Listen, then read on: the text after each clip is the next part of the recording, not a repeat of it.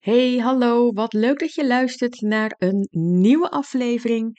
Ik ben Esmeralda van Praktijk Connectie en met mijn podcastafleveringen hoop ik je te voorzien van tips en inspiratie om van zelfkritiek naar zelfliefde te gaan. In deze aflevering wil ik het met je hebben over bepaalde vragen die jij jezelf waarschijnlijk wel eens stelt en die niet bepaald helpen bij het verminderen van zelfkritiek. Ik heb een aantal voorbeelden voor je.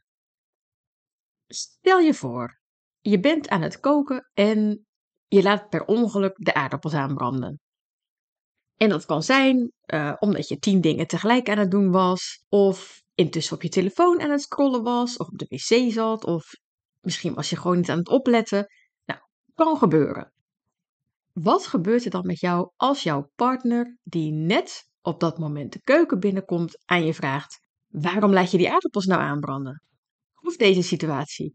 Je zoon komt thuis en iedere keer gooit hij zijn jas neer op de plaats waar hij op dat moment is. Nou, waarschijnlijk is deze wel heel herkenbaar. Ehm, bij mij gaat het in ieder geval wel vaak zo. Nou, je hele huis die fungeert als een kapstok, behalve de kapstok zelf.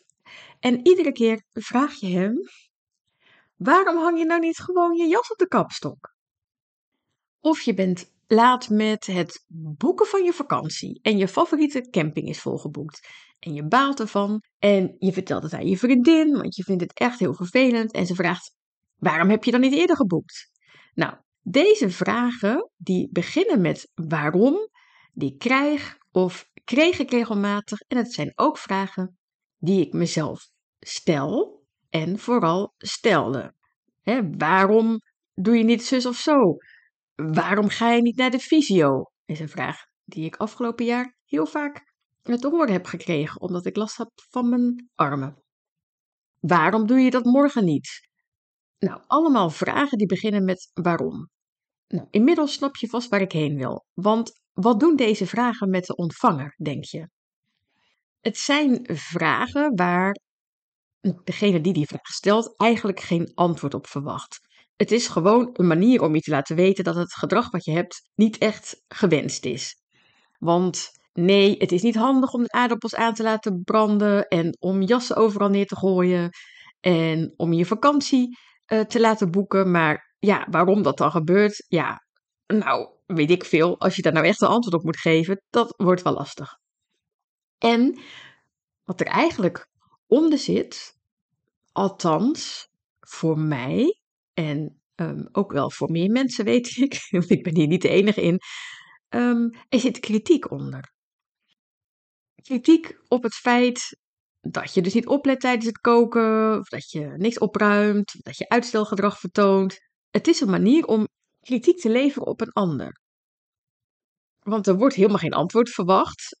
En weet je, ik, ik zeg het ook regelmatig. Ik hoor het mezelf regelmatig vragen: waarom ruimt hier nou nooit iemand eens op?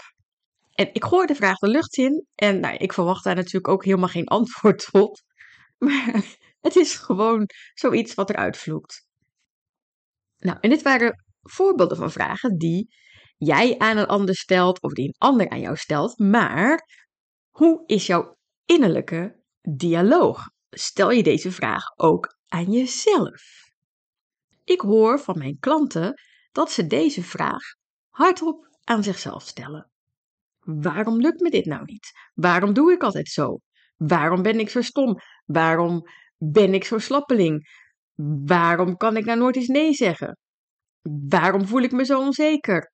Waarom ben ik altijd te laat? En waarom doet mijn buurman altijd zo uit de hoogte tegen mij? Dus waarom vragen helpen je niet verder, tenzij je heel serieus overweegt een antwoord te vinden.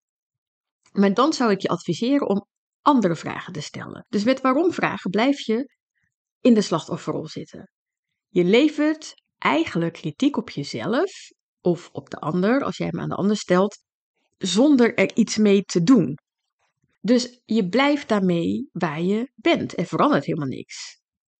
Nou, oké, stel je voor dat je nu in plaats van de waarom-vraag andere vragen zou stellen. Bijvoorbeeld, hoe kan ik zorgen dat ik het de volgende keer anders ga doen?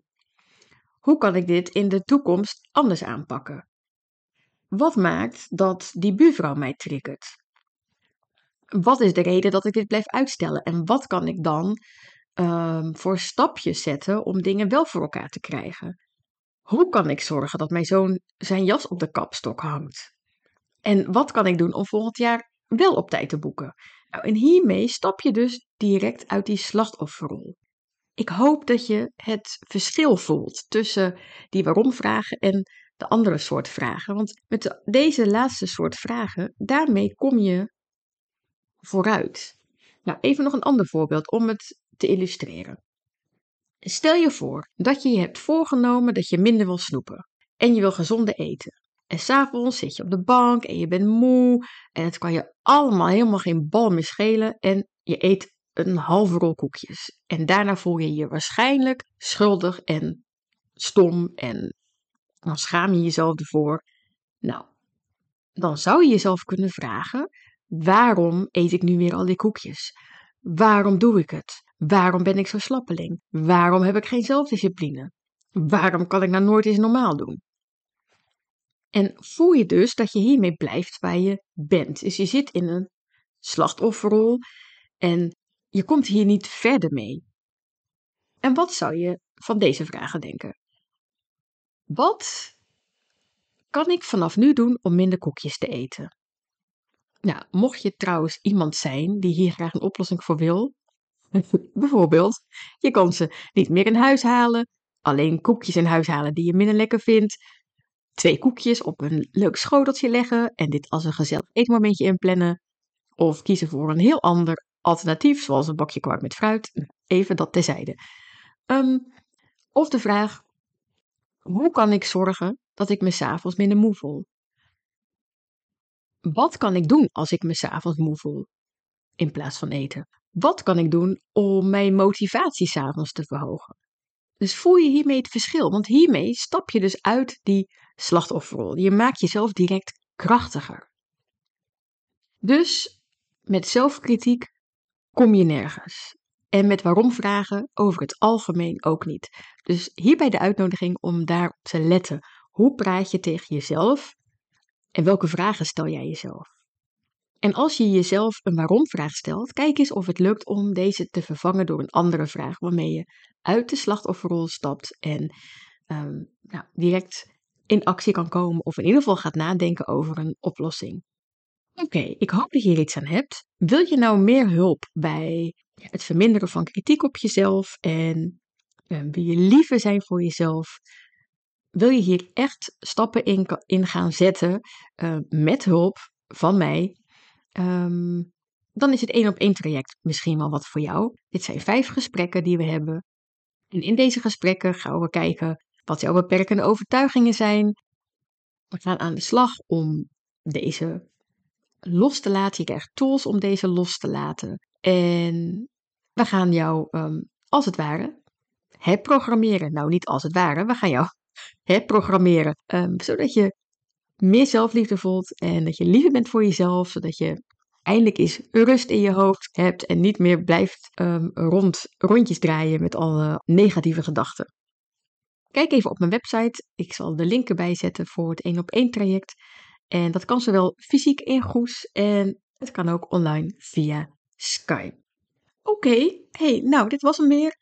Um, als je hier iets aan hebt gehad, laat het me even weten. Ik vind het echt super leuk om berichtjes van jullie te krijgen. Dat vind ik echt heel leuk. Als je een bepaald onderwerp hebt waar je meer over wil, weten, laat het ook even weten. En dank je wel weer voor het luisteren en een hele fijne dag nog. Doei!